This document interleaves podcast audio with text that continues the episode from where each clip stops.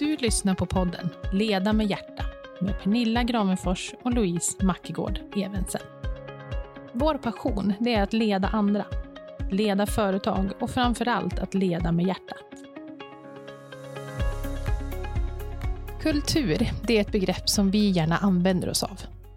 Att skapa just en arbetsplats som vi trivs med, att vi kan låta individer få vara individer och att få medarbetare att växa.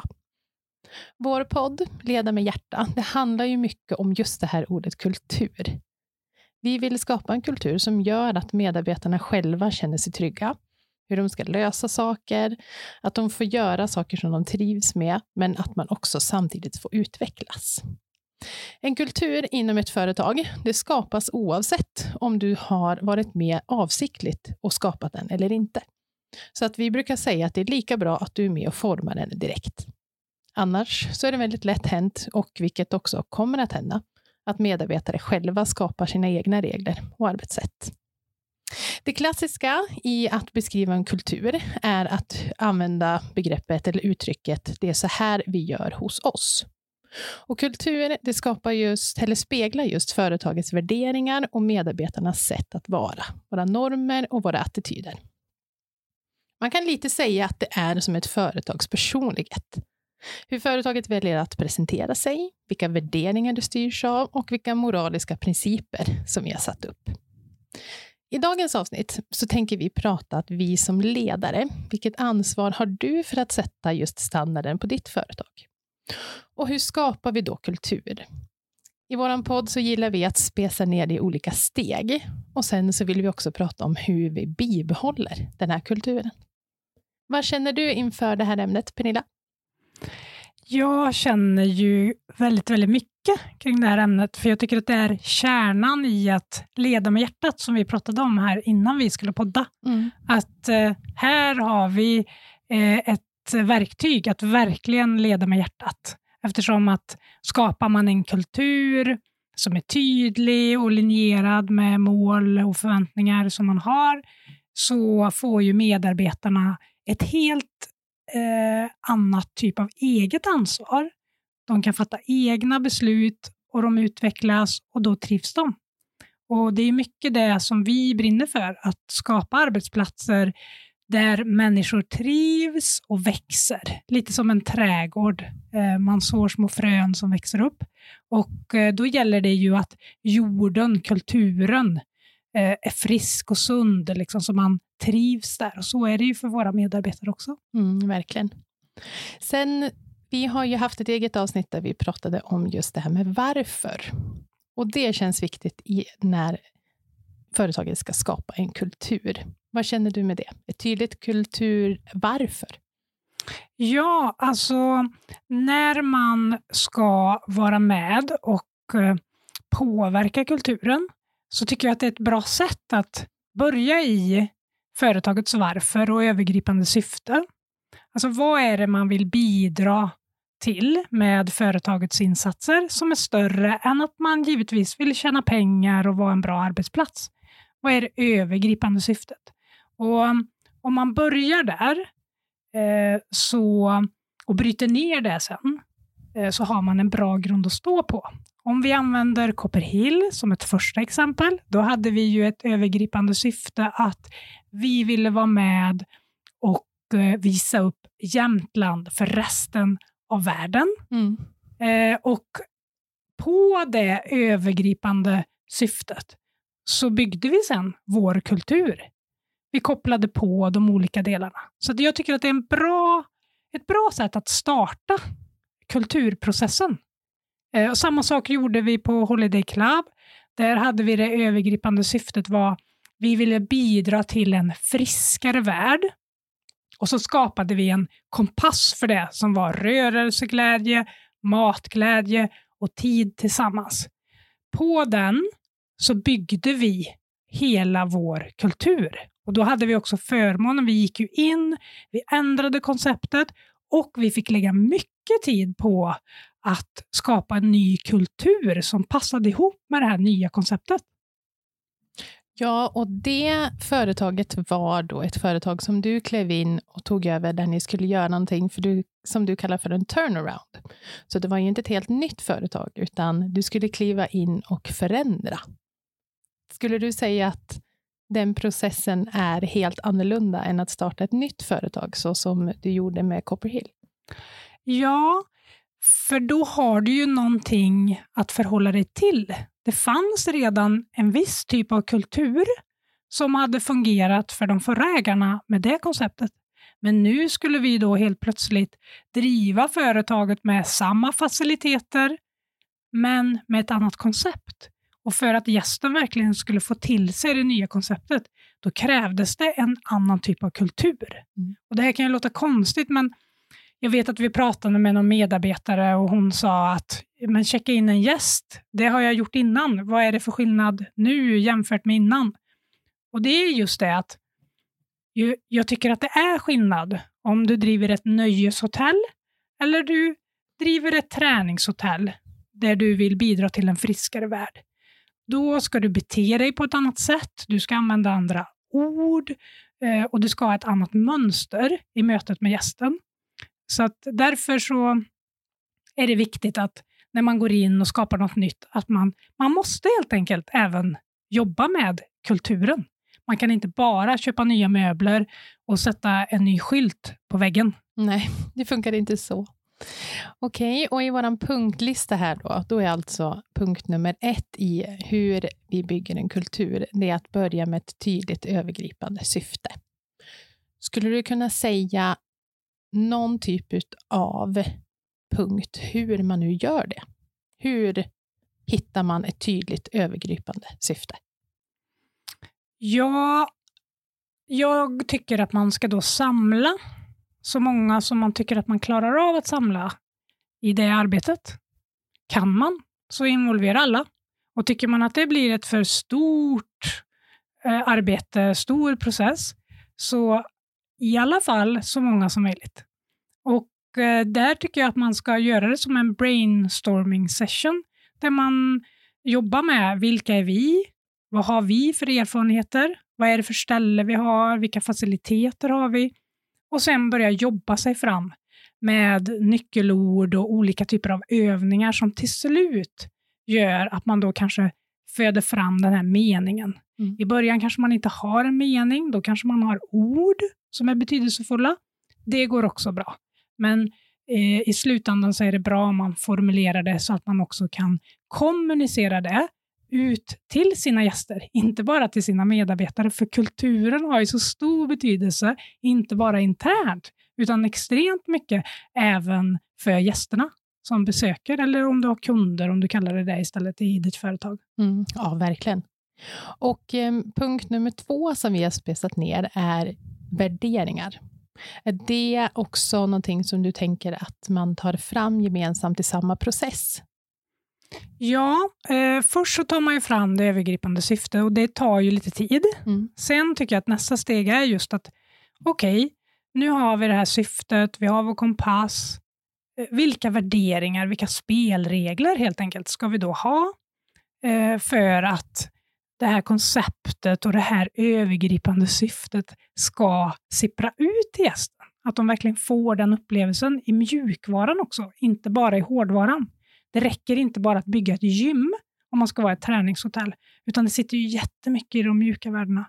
Eh, vi gjorde en sån workshop på Holiday Club och den första vi gjorde, då samlade vi alla medarbetare och vi gjorde övningar och så kom vi fram till tre stycken värderingar som de tyckte var de absolut viktigaste.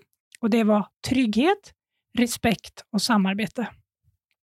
Och där ska jag erkänna att där och då så kände jag en lite stygn av att ah, det här känns ju som grundläggande trygghetsfaktorer bara. Det här mm. är ju inte värderingar som kommer att göra att vårt koncept flyger. Men det är sjukt viktigt att jag som ledare inte går in och styr fast jag tycker att Åh, jag vill ha andra ord, för jag vet att vi behöver andra ord. Utan du måste ju ta dina medarbetare och din, ditt företag och omfamna det där det är. Och det var där jag var. Jag hade ett företag som hade bytt ledning och ägarstruktur, alltså så hade ju förtroende och eh, trygghet rubbats. Mm. Alltså kom de fram till trygghet, respekt och samarbete. Så därför fick jag lägga nästan ett halvår på att jobba upp då de här tre värderingarna, så att de verkligen kände i sin vardag, så var det helt självklart och naturligt att man kände trygghet, respekt och samarbete. Så efter ungefär sex månader så gjorde vi en ny och då kom vi fram till helt andra värderingar. Då kom vi fram till att för att få vårt koncept att flyga, eh, som då var att bidra till en friskare värld, det var att eh, vi skulle vara aktiva, inkluderande och nyfikna. Och då jublade mitt inre jag. För då kände jag så här, ja, det här är precis vad vi behöver som ska färga vårt beteende, som sen ska bli en del av liksom, konceptet och kulturen. Och då kunde vi bygga vidare på det. Men det gäller att inte ha för bråttom. Nej. Man kan inte hoppa över. Fast jag ville, så visste jag ju, eftersom jag har gjort det här innan, att det kommer inte gå. Men eh, det övergripande syftet, det var satt och det var detsamma. Så det var just den värderingsprocessen som ni kände att ni sen behövde göra om. Precis. Och sen var det också så att när vi väl hade satt de orden, det här vet ju du också allt om eftersom vi gjorde det på Copperil flera gånger, att när man sen har sina värderingar, då är det också viktigt att man bryter ner dem Mm, och ja, identifierar vad betyder aktiv? Vad betyder inkluderande? Och vad betyder att vara nyfiken? Vad är det för beteenden bakom de tre orden? Mm. För det kan inte bara vara ord på ett papper, utan varje enskild med medarbetare måste ju förstå vad, hur det översätts i ett beteende. Ja, Så och det- i praktiken, i, när vi faktiskt står där. För det, det kan jag känna att processen med att hitta värderingsord som man själv känner att de här gillar vi, det här tycker vi om och det här kan vi stå för. Det är en process som, jag ska inte säga att den är lätt, men den är lättare än att sen vad ska säga, få också alla medarbetare att verkligen förstå vad innebär det då i våran vardag? Hur Mm. ska vi då vara mot varandra för att det ska bli så här? Mm. För det, det tycker jag också är en viktig process i att också bryta ner det till ett hur. Alltså hur gör vi det då? Alltså hur, om vi säger att vi vill vara värdskapsproffs, ja men i vårat, våra värderingar, att vi bryter ner det till hur hanterar vi då en missnöjd gäst? Ja, men, ja genom att vara nyfiken. Ja, på vilket sätt då? Mm. För det kan jag också tycka är en viktig process, i, särskilt vi som har jobbat med så många ungdomar.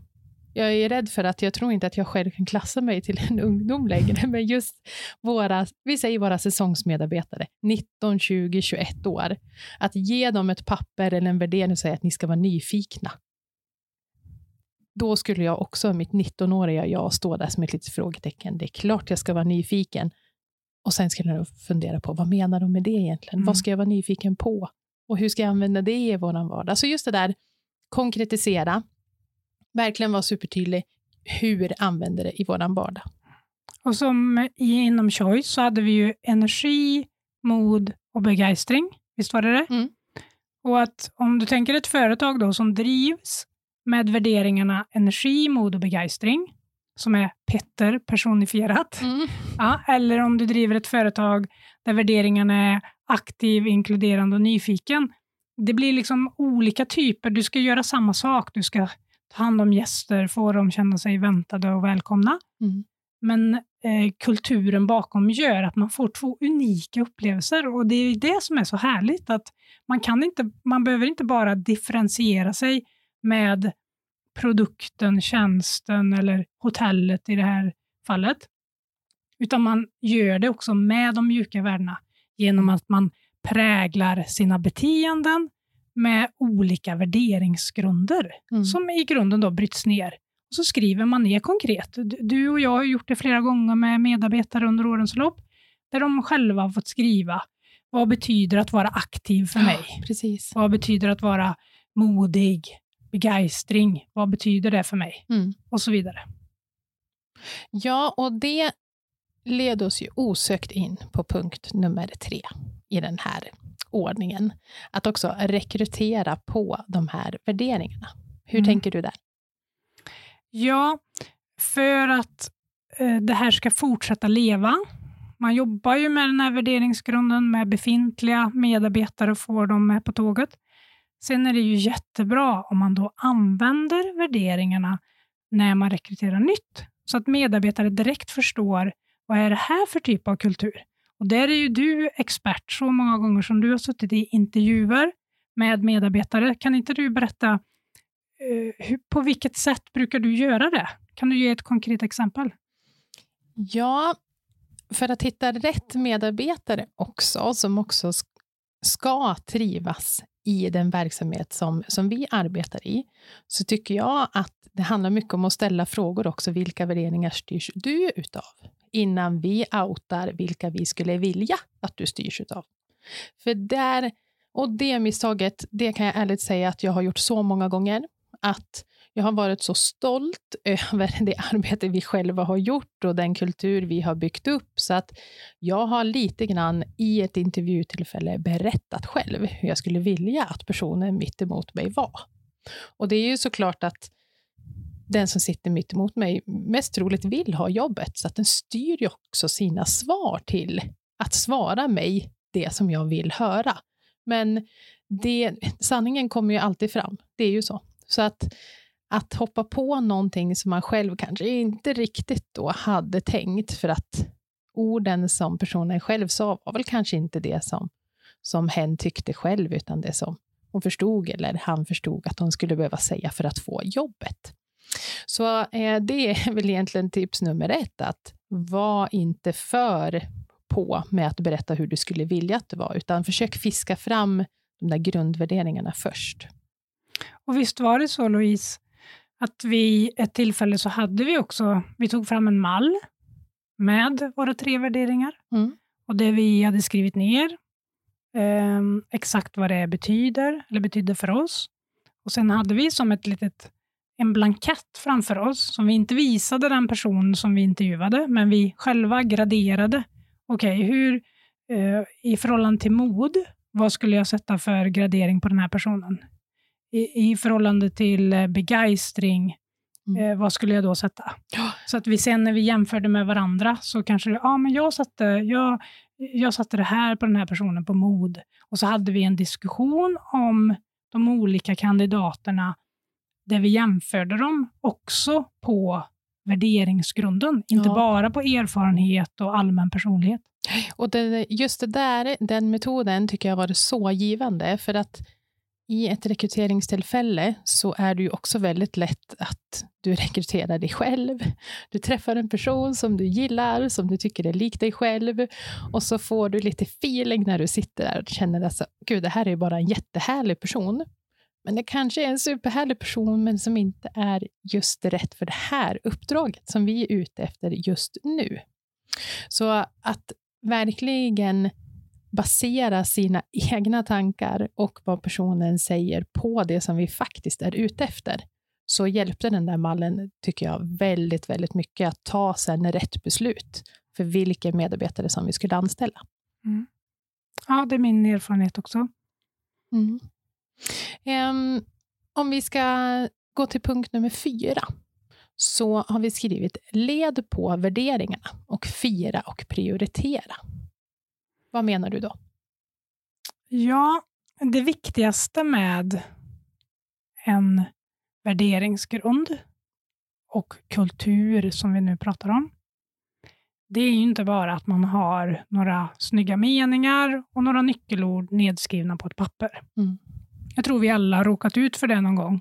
Att kanske någon period eh, jobba i ett företag där man har mycket dokumentation men man märker det inte i vardagen att man lever som man lär. Så det viktiga, det är ju att hitta ett sätt att driva företaget också då på värderingarna. Jag kan ju inte ställa krav på mina medarbetare att de ska leverera ett värdskap bland varandra och till gästerna baserat på värderingar om jag inte i sin helhet driver företaget på värderingarna. Så här är det viktigt att man bryter ner värderingarna i de olika beståndsdelarna. Så om man tänker på ledarskapet, hur ska då våra värderingar färga hur vi leder medarbetarna just i det här företaget. Så om jag tar ett exempel med Holiday, så hade vi ju då aktiv, nyfiken och inkluderande. Och då uppmanade vi våra ledare att när ni till exempel samlar era medarbetare och ska ha något typ av möte, eh, informationsmöte eller ett kreativt idémöte, då är det ju viktigt att eh, ni integrerar då våra värderingar. Så gör någonting aktivt eh, och var aktiv med dina medarbetare. Eh, det du gör ska vara inkluderande. Alla medarbetare du har ska kunna vara med på den här aktiviteten som du har anordnat. Och att du som ledare alltid ska vara nyfiken på dina medarbetare. Ställ frågor, ta reda på vem hen är. Eh, så att eh, på det sättet så, så får ju du som ledare in då de här nyckelorden i ditt sätt att jobba med dem i deras vardag och då blir det ännu mer naturligt för dem att sen ta med sig det ut när de möter gästen. Okej, okay, hur, hur har jag ett aktivt möte med en gäst? Hur tar jag emot en gäst i receptionen på ett aktivt sätt? Jo, jag säger hej före gästen säger hej till mig, eller jag möter gästen med ögonen allra först. Det är typ ett beteende som vi identifierade. Så att det tycker jag för mig är att leda på värderingar, alltså att bryta ner dem och att man liksom låter värdskapet präglas av det.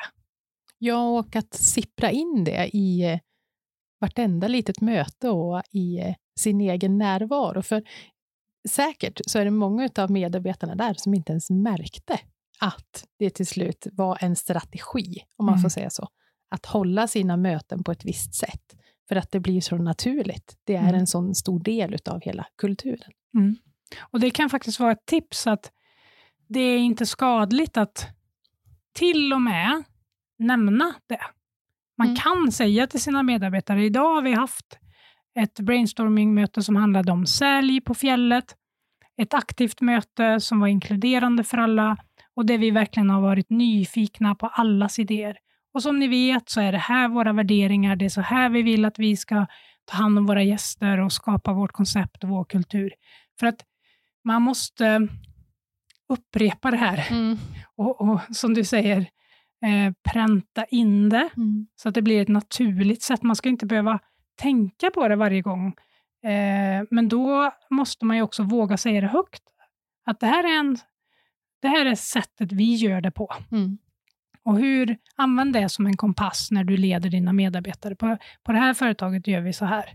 Så att eh, även säga det högt till medarbetarna ja, kan vara bra. Och det där har ju vi också som en punkt som vi inledde med, att hur ska vi då bibehålla den här kulturen mm. som vi nu kanske försöker bygga upp eller som vi har haft under lång tid. Och Det här är ju ett av de sätten att lite grann nöta in. Mm. Och, och Det handlar inte om, det låter nästan som att vi ska manipulera någonting, men det handlar mer om att få in ett vardagligt tänk och ett vardagligt sätt och beteenden av att så här är det här. Mm. Ja, och, och någonting som ska läggas till där när det gäller att leda, det är också att man som ledare visar att man till exempel då firar och belönar eh, beteenden som är linjerade med värderingarna. Mm. Så det är det man också firar framgångar kring. Man kan ju inte säga en sak och fira något annat. Nej. Alltså om man tycker att det här är viktigt så måste man också visa det även i sånt. Och när man fattar beslut som berör medarbetarna och som berör gästerna så behöver man fundera på, okej, okay, aktiv, inkluderande och nyfiken.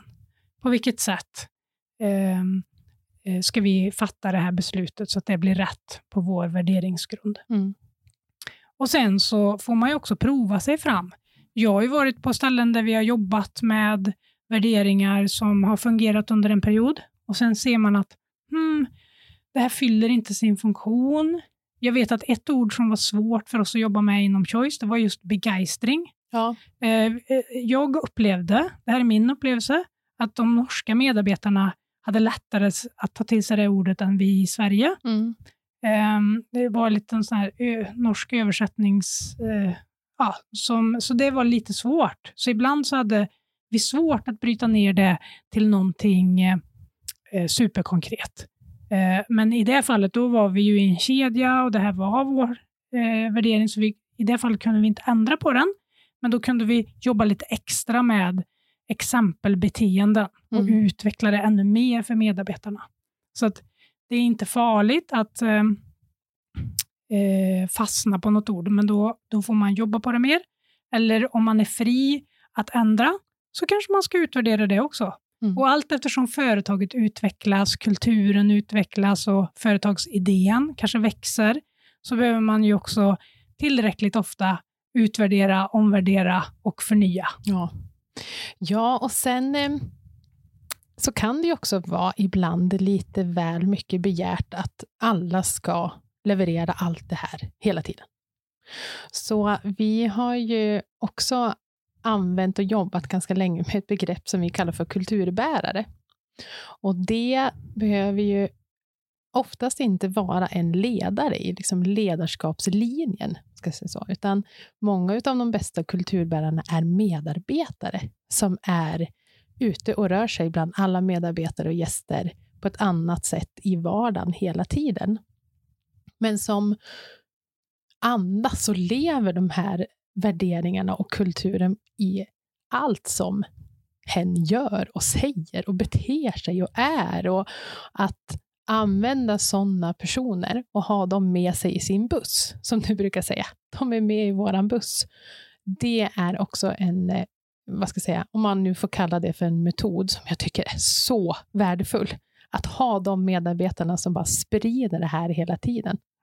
Och jag tycker jag själv fick en liten sån här uppenbarelse bara häromdagen att vi har ett så här klassiskt möte varje torsdag där vi går igenom olika punkter i driften. Och av någon anledning så har jag själv lyckats vara borta från de där mötena tre veckor i rad. Jag har ju varit på jobbet, men inte just den här dagen vid den här tiden. Så att jag har inte varit med på det mötet på då, tre veckor. Och då fick jag en liten sån här hint ifrån en medarbetare som sa så här, vet du, när du inte är med på de där mötena, då är det ganska lätt hänt att det blir ett litet klagomöte istället. Och då så försökte jag fundera lite grann på vad är det som gör det? För att i vanliga fall är det ingenting i den agendan som kan då göra att det här skulle kunna bli ett klagomöte. Men då blev det ganska tydligt för mig att apropå värderingar och liksom kulturbärare och, och vilka som man jobbar ju på olika sätt, så har det blivit lite grann min roll att just sätta den här standarden på just det här mötet. Att det här ska vara framåt, det ska vara konstruktivt. Det är inte ett gnällmöte, utan vi är här för att hitta bästa lösningar på alla utmaningar som vi har i vår hotelldrift här och nu. Och det blev som sagt en liten uppenbarelse för mig att kanske att det är så att till och med just jag behövs på just det där mötet. Eller är det också att vi också kanske behöver göra om den här konstellationen lite grann. Eller också prata ännu mer om våra värderingar och vad vi faktiskt står för och vart vi vill för att komma bort från det här beteendet. För det ska ju inte heller vara så att det ska hänga på en person. Då har vi satt oss i en liten tråkig sits. Men det blev ändå en, en uppenbarelse för mig, tycker jag, att här har vi ett litet jobb att göra. Ja, och det är ju det är ju bara bra när man upptäcker det, för att i det här fallet så tänker jag spontant att då kan man ju också titta på hur ser agendan ut? Mm. Vad har man för incheckningsritual? Hur checkar man in på det här mötet? Hur startar man mötet? För när det blir gnälliga möten så är det ju oftast att ehm, man inte har någon riktig start. Man har ingen ritual för hur mötet startar, utan man småpratar sig in i mötet och så kommer man in på några punkter i agendan. Då är det lite lätt att man fastnar och första personen börjar på ett tema och så följer man på. Mm. Ehm, och Det tror jag är lätt för alla.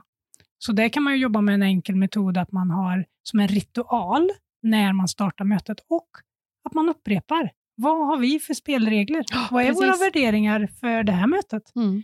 Jo, då kanske man ska ta upp vissa nyckelord då, som gör det svårare för individer att hamna i det här att det blir ett klagomöte. Mm. Ehm, och givetvis så behöver man ju då motivera. Va- varför har vi valt den här strukturen? För vad är mål och mening med det här mötet? Mm. Och då är det lättare för medarbetarna att förstå att det här är inte rätt tillfälle. Det finns andra forum där jag kan uttrycka eh, mina åsikter kring vissa saker. Men just på det här mötet så har vi den här agendan och jobbar med de här frågorna. Och då kommer vi tillbaka till det där varför, som alltid är så viktigt. Ja, som även är viktigt i ett enskilt litet möte. Och Jag vill koppla tillbaka också till det du sa med kulturbärare. Mm. För att jag bara såg en person framför mig. att Jag hade en sån stark kulturbärare eh, på min senaste arbetsplats och eh, helt fantastisk. Så att jag satte mig ner med honom och så bara berättade jag liksom, från hjärtat. Jag sa att jag tror inte du förstår hur stor betydelse du har för det här företaget. För din värderingskompass, den är exakt liksom, så som jag hade önskat att alla eh, var mot varandra och mot våra gäster. Så att jag förstärkte honom i att det du gör är något helt fantastiskt. Och eh, fortsätt göra det, sprid det till andra och snälla hjälp mig att uppmärksamma andra som du tycker också har eh, en sån stark värderingsgrund. Så hjälp mig hitta fler och hjälp mig att bekräfta och berömma de personerna. Så det är också viktigt att när du identifierar de här kulturbärarna, berätta för dem vad viktiga de är. Och Det kan vara så i vissa fall att du kanske till och med har kulturbärare som är rent värderingsmässigt helt fantastiska. Men i utförandet, i handling, i, i den exakta sysslan de har, ja, där kanske de inte är helt perfekta. Men när det gäller värderingsgrunden så är de outstanding. Ja, men våga säg det till den här personen. Att du, din styrka är verkligen det här. De här sakerna behöver vi förbättra lite, men du kompenserar sjukt mycket med att din värderingsgrund, värderingsgrund är klockren och eh, du eh, bidrar så sjukt mycket till företagets utveckling på grund av det. Så att eh, de personerna är så värdefulla. Så ta hand om dem och berätta för dem vad fantastiska de är. För du som ledare, du behöver dem. Verkligen, och använd dem, skulle jag vilja säga. Använd dem i introduktion till nya medarbetare och använd dem i personalmöten eller vad det nu än kan vara i olika forum du vill förmedla någonting, så lovar vi att det kommer att eh, landa på ett bra sätt. Vi vill ju gärna tro att vi som chefer och ledare är lite sköna, men vi kanske inte är det alla gånger. Eller ja, vi kanske behöver lite hjälp. Men just kulturbärarna, de är bra att ha med i sin buss. Ja, ska vi ta punkt eh, nummer fem här då? Vi har redan varit inne på den lite grann, men det här med att aldrig sluta upprepa, utvärdera och att jobba med värderingarna. Ja, det här tycker jag då är den svåraste punkten. Jag gillar ju att skapa saker och ta fram saker och jag älskar dynamiken i det. Mm, du vill inte älta sen? Jag är kanske inte lika förtjust i att uh, köra de här upprepningarna av saker. Och när vi jobbade tillsammans så fick ju du ofta påminna mig att Pernilla, snälla, använd samma grafer, samma nyckeltal och uh, nämn de här sakerna igen och igen. Och jag kunde där och då kanske tycka ibland att Åh, det är så tjatigt. Kan jag inte få visa andra siffror? Kan jag inte få hoppa över de här bilderna kring vår, vårt syfte och värderingar den här gången? Jag har så många spännande saker jag vill dela. Men där var vi ju i grunden överens. Men jag behövde din hjälp med påminnelse att upprepningen är så viktig, att man är konsekvent och att man fortsätter med det här. Jag fick faktiskt eh, på Holiday fick jag kommentaren vid något tillfälle av en kollega som sa att Åh, måste du dra de här värderingarna och vår kompass och syfte? Alltså, alla kan det utan till i sömnen nu Pernilla. Snälla kan vi inte bara hoppa den här gången? Det blir så tjatigt. Och Det var ju en medarbetare som jobbade, var fast anställd och som hade varit duktig och var med på alla personalmöten och alla samlingar och hade hört det här gång på gång på gång.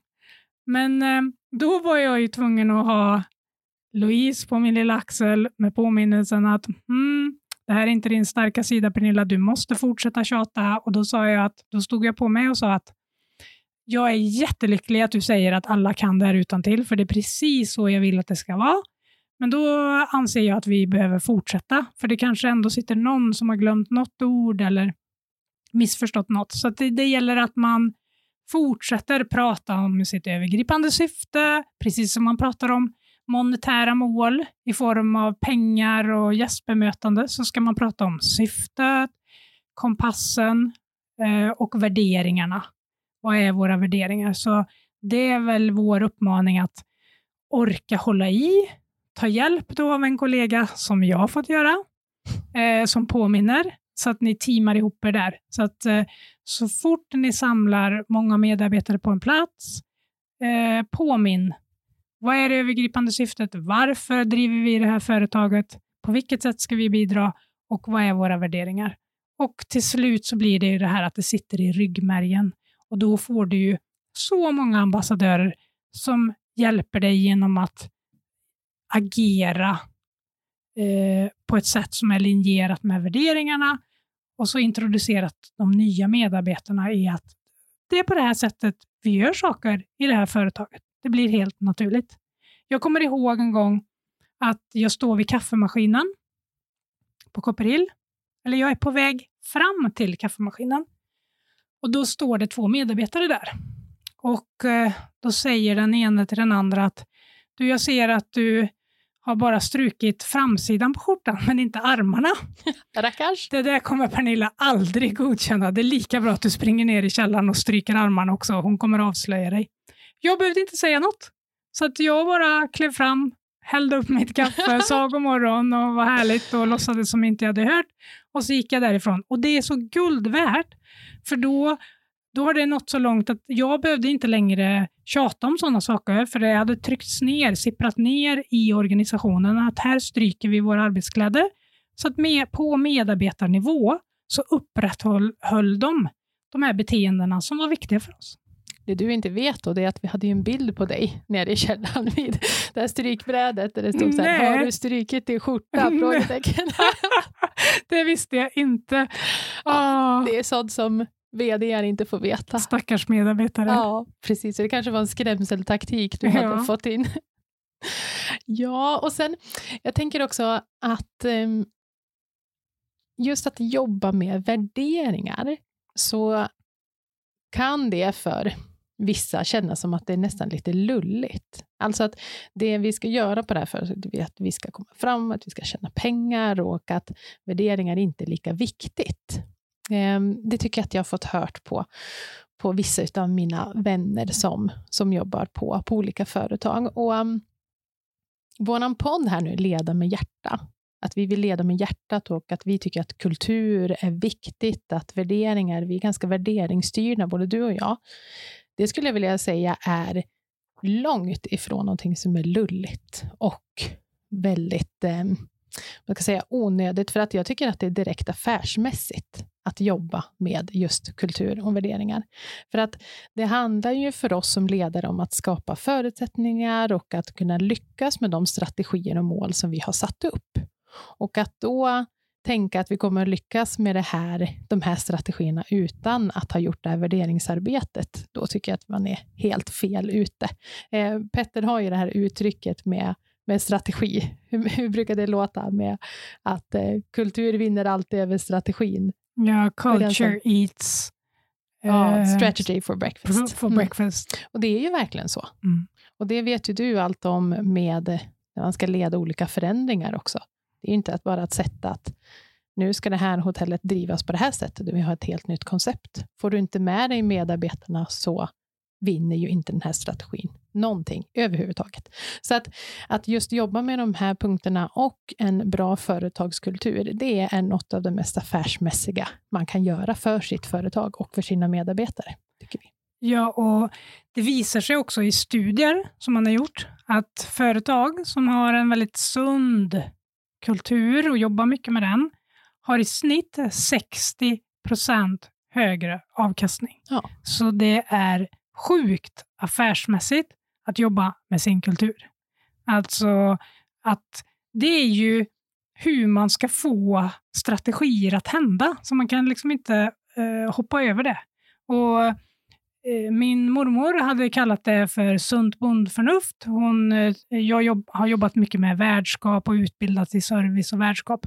Och hon förstod aldrig vad är det du säger egentligen och ska det egentligen vara nödvändigt? Ska du behöva prata med andra hur de säger hej och välkommen? Och eh, jag vill påstå att det behövs verkligen. Man behöver prata om beteenden. Hur beter vi oss här?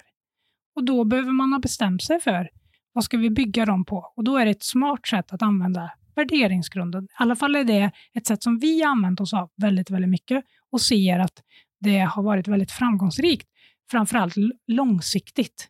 För att det här är ju, det här tar tid, man måste investera blod, svett och tårar i den här processen och man får aldrig ge upp, man måste fortsätta som vi sa som sista punkt.